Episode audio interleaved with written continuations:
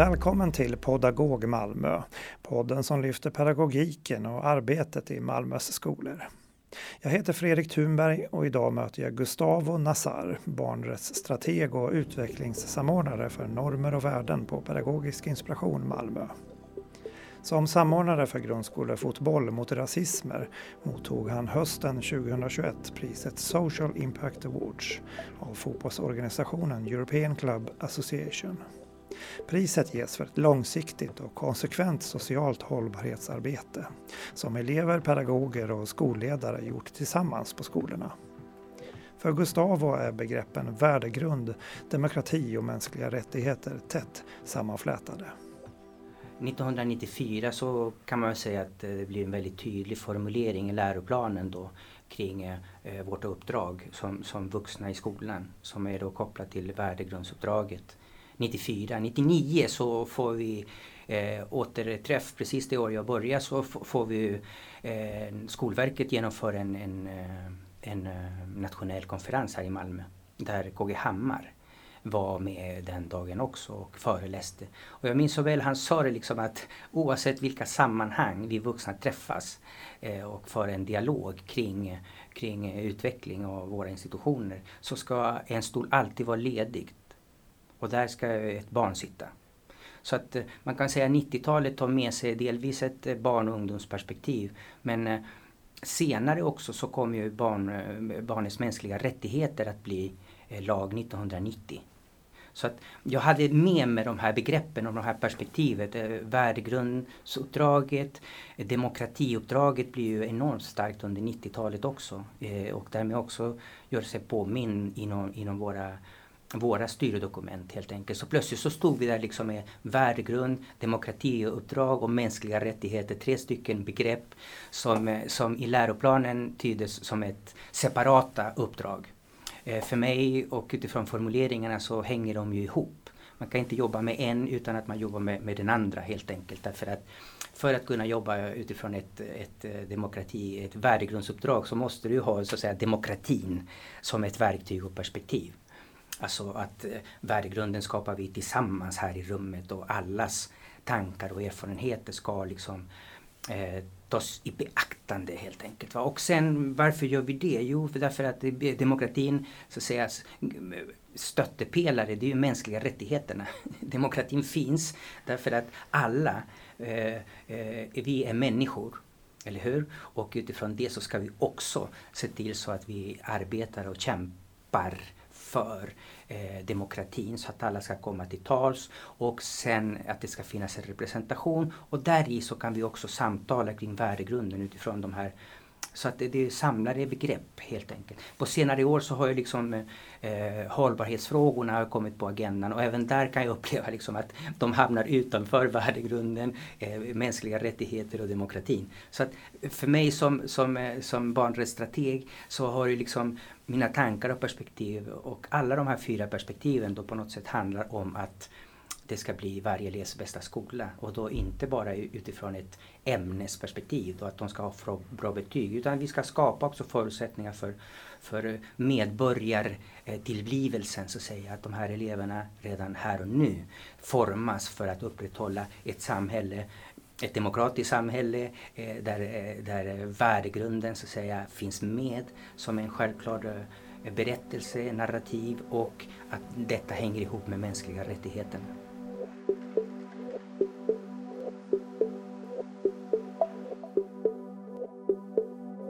Varför blev det fotboll?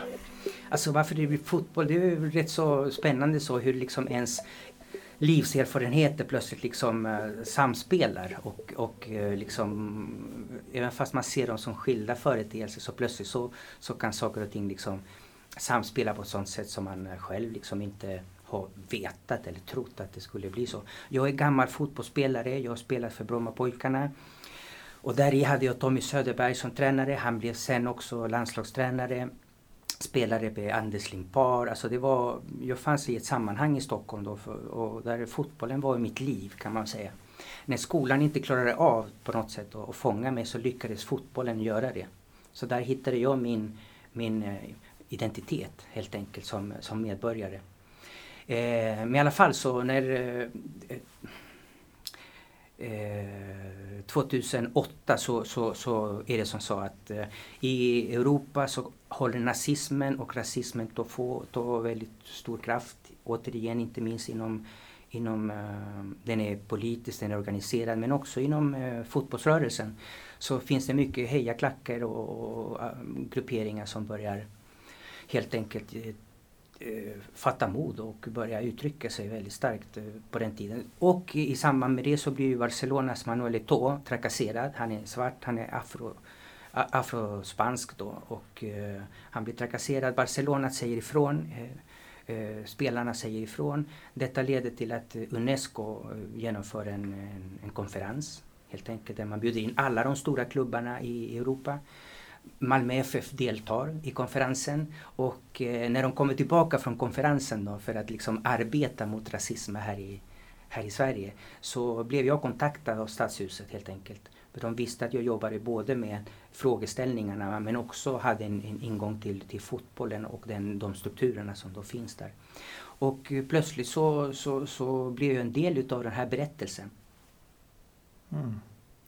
Du har pratat om det här med som samlärandet är en förutsättning i ett fotbollslag. Eh, men även för att skapa ett inkluderande lärande då. Om man tittar på så här, vad, vilka likheter ser du då mm, om man tittar på samspelet på en fotbollsplan och på en skola? Nej, men jag tänker liksom, det var intressant där också för att eh, för jag tänker min första erfarenhet när jag kom till skolan som institution, så jag kom ju från idrottsrörelsen. Så att mina erfarenheter och min förståelse av skolan det var liksom att klassen eh, möjligtvis, och jag hade ju förstås också själv, själva egen erfarenheter av att, att eh, eh klassen klassen är inte ett lag utan det är individer som kämpar om sin överlevnad. Liksom det finns mycket konkurrens där i. Va? I fotbollen så fanns det ju självklart också det. Framförallt när man kom högre och högre upp liksom i, i serierna. Men det finns liksom en, det finns en, eh, en berättelse i fotbollen som handlar om gemensamma känslor, gemensam anda, eh, gemensamma utmaningar, eh, kampglöd, man stöttar varandra. Så att det finns det också. Va? Men det finns inte på samma sätt i skolan. Utan skolan är väldigt individualiserad. Och eh, Skolverket har ju skrivit om detta och att, eh, att eh, på något sätt så har vi många gånger i skolan missförstått så att säga, begreppet individanpassat till individualisering. Och det finns ett gap där helt enkelt. Många barn och unga lämnas själva i, i brottandet med sitt eget, med sitt eget, med sina egna framtidsperceptioner med sina egna så att säga, bekymmer. Eh, istället för att tänka att, att vi tillsammans, du och jag, kan ta oss an de här eh, beroende på var du befinner dig min vän. Så. Och det tänker jag fotbollen har ju den kraften helt enkelt att man kan känna att man är en del av något större. Och där i så behöver man varandra för att kunna så att säga, överskrida och utmana motståndarna. Eh, I det här fallet så är det andra lag. Och motståndarna i det här fallet i skolan det kan ju vara liksom normer och värderingar som begränsar varandras mänsklighet.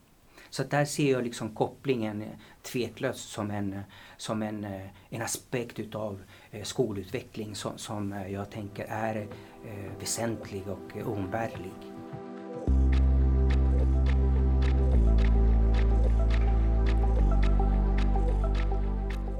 Miriam Färbern har varit engagerad i grundskolefotboll mot rasismer i många år. Som idrottslärare på Monbichoskolan låter hon elever leda andra elever. Eh, jag kör mycket med begreppet elever lär elever på vår skola. Jag tror starkt på detta och eh, jag har med mig det från eh, när jag själv gick på internatskolan när jag var yngre. Det tar in kooperativa strukturer eh, där elever förstår och uppmuntrar varandra bättre. Det växer en typ av stolthet inom hos elever när de har lärt ut aktiviteten eller momentet. På skolan skapar en samhörighet och det knyter band mellan eleverna som i sin tur ökar studieron på skolan.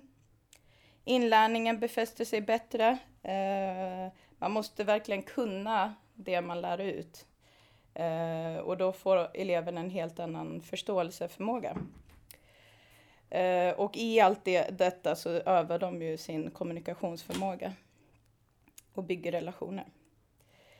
Vi har under årens gång haft ett par sidoprojekt i, eh, inom projektet där jag och en kollega från Rosengårdsskolan eh, höll i en Ultimate Frisbee aktivitetsdag. Vår, eh, våra elever i årskurs 6 hade precis lärt sig en ny sport, Ultimate Frisbee. Eh, och vi bestämde då att våra, våra elever delades in i grupper där de skulle då lära ut olika kast och moment inom Ultimate Frisbee till Rosengårdseleverna. Efter eh, de här eh, momenten där de skulle lära ut så körde vi vänskapsmatcher rest, resterande tiden. Och det var väldigt positivt att se hur många elever som knöt an sig till varandra och mina elever framförallt växte väldigt mycket efter de hade utfört den här dagen.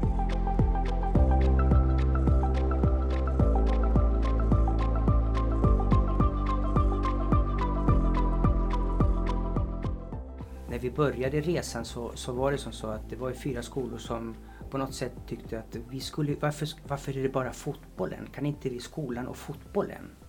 Så när vi väl fick den frågan så tänkte vi, ja varför inte liksom? Det är självklart att vi ska kunna förena det här med idrottsrörelsen, fotbollen, Malmö FF med så att säga, skolans hjärta och skolans kraft och, och kompetenser och, och drömmar. Så att då satte vi igång det. Vi var fyra stycken då för 10-11 år sedan. Idag så är vi 30 skolor.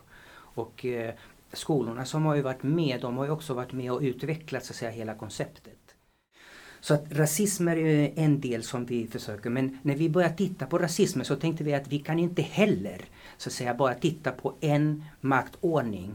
I det här fallet kunde det vara frågan om religion, etnicitet, språk, nationalitet, hudfärg. Så plötsligt så kunde vi också reflektera över att det här med att ha en, en icke icke-erkänd och diskriminerande så att säga religiös övertygelse Eh, det kan man inte frikoppla från att man är tjej, tjej kille eller något annat.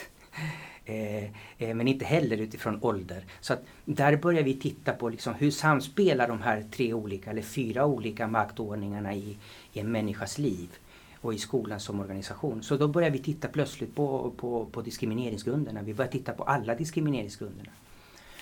Och utifrån ett barnrättsperspektiv så, och utifrån barnens barnets mänskliga rättigheter så kunde vi också konstatera att det, de flesta barn i Sverige känner inte till sina mänskliga rättigheter. Och det här är forskning som, som har bedrivits utav Sveriges kommuner och landsting och, och så vidare i andra sammanhang. Att eh, barn känner inte till att de har 42 stycken rättigheter och de är rättighetsbärare. Så då förde vi ihop det också på något sätt och sa att om vi ska jobba med artikel 2 icke-diskriminering i barnkonventionen så måste ju vi också någonstans också lyfta fram eh, ett barnrättsperspektiv.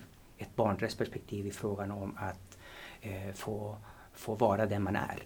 Så att barn och unga ska vara med och formulera också vad är eller vad det inte är eh, att bli diskriminerad. Så att vi inför också ett perspektiv där barnens berättelser blir så att säga ett, barn blir politiska subjekt.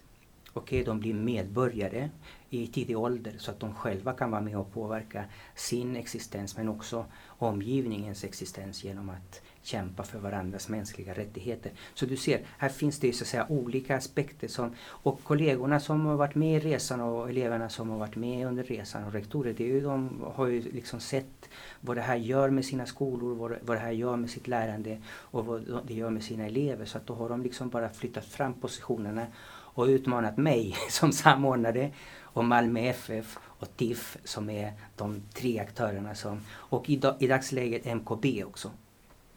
Så att vi försöker skapa förutsättningar för deras, för deras eh, drömmar kan man väl säga och eh, för att också kunna leva upp till sina, sina uppdrag. Så vi är medspelare i en gemensam eh, hållbarhetsprojekt liksom, som gynnar inte bara barnet utan hela samhället. Hur tror du att man som skola kan arbeta med det här framgångsrikt för att det ska liksom bli någonting som lever vidare så att, säga, så att det inte bara begränsas till ett ämne eller en speciell tidsperiod eller så att det liksom ska genomsyra Precis. all möjlig verksamhet. Vad har du någon input att ge där? Min erfarenhet så här långt och forskningen säger väl det, det, detsamma liksom att, att eh, om vi ska arbeta med frågor kring, eh, kring eh, homofobi eller frågor kring jämställdhet eller frågor kring frågor som berör så att säga maktordningen i samhället så, så innebär det liksom att de, de som utsätts för förtryck eller för marginalisering, de måste ju göras medspelare i de här berättelserna. I det här fallet när det gäller skolan så är det ju perspektivet barn. Så att i dagsläget så är det ju jätteviktigt, eh, tänker jag, erfarenheterna som vi har, liksom att vi ska släppa taget om ett barnperspektiv som är förlegat, som, som, som har en relation till hur det var eller hur det skulle kunna vara att vara barn. Eh, och eh, förflytta oss närmare ett, ett barnets perspektiv och ta reda på hur barn tänker, känner och upplever.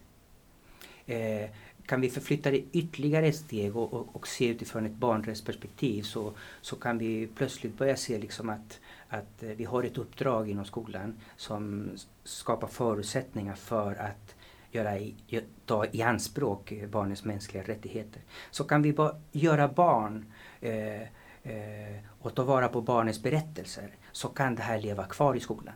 Så länge vi ser det här som ett vuxet projekt för barnen så kommer det inte att leva kvar för barn kommer att uppleva att det här är inte deras.